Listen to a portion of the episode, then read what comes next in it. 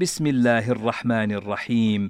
كتاب دعوة المظلوم. باب ما يتقى من دعوة المظلوم.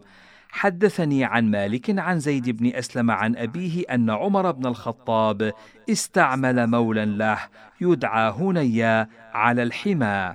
فقال يا هني أضمم جناحك عن الناس واتق دعوة المظلوم فإن دعوة المظلوم مجابة وأدخل رب الصريمة ورب الغنيمة وإياي ونعم ابن عفان وابن عوف فإنهما إن تهلك ماشيتهما يرجعان إلى المدينة إلى زرع ونخل.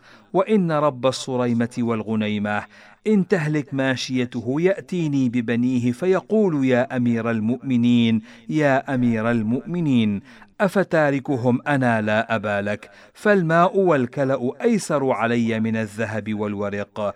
ويم الله إنهم ليرون أني قد ظلمتهم إنها لبلادهم ومياههم.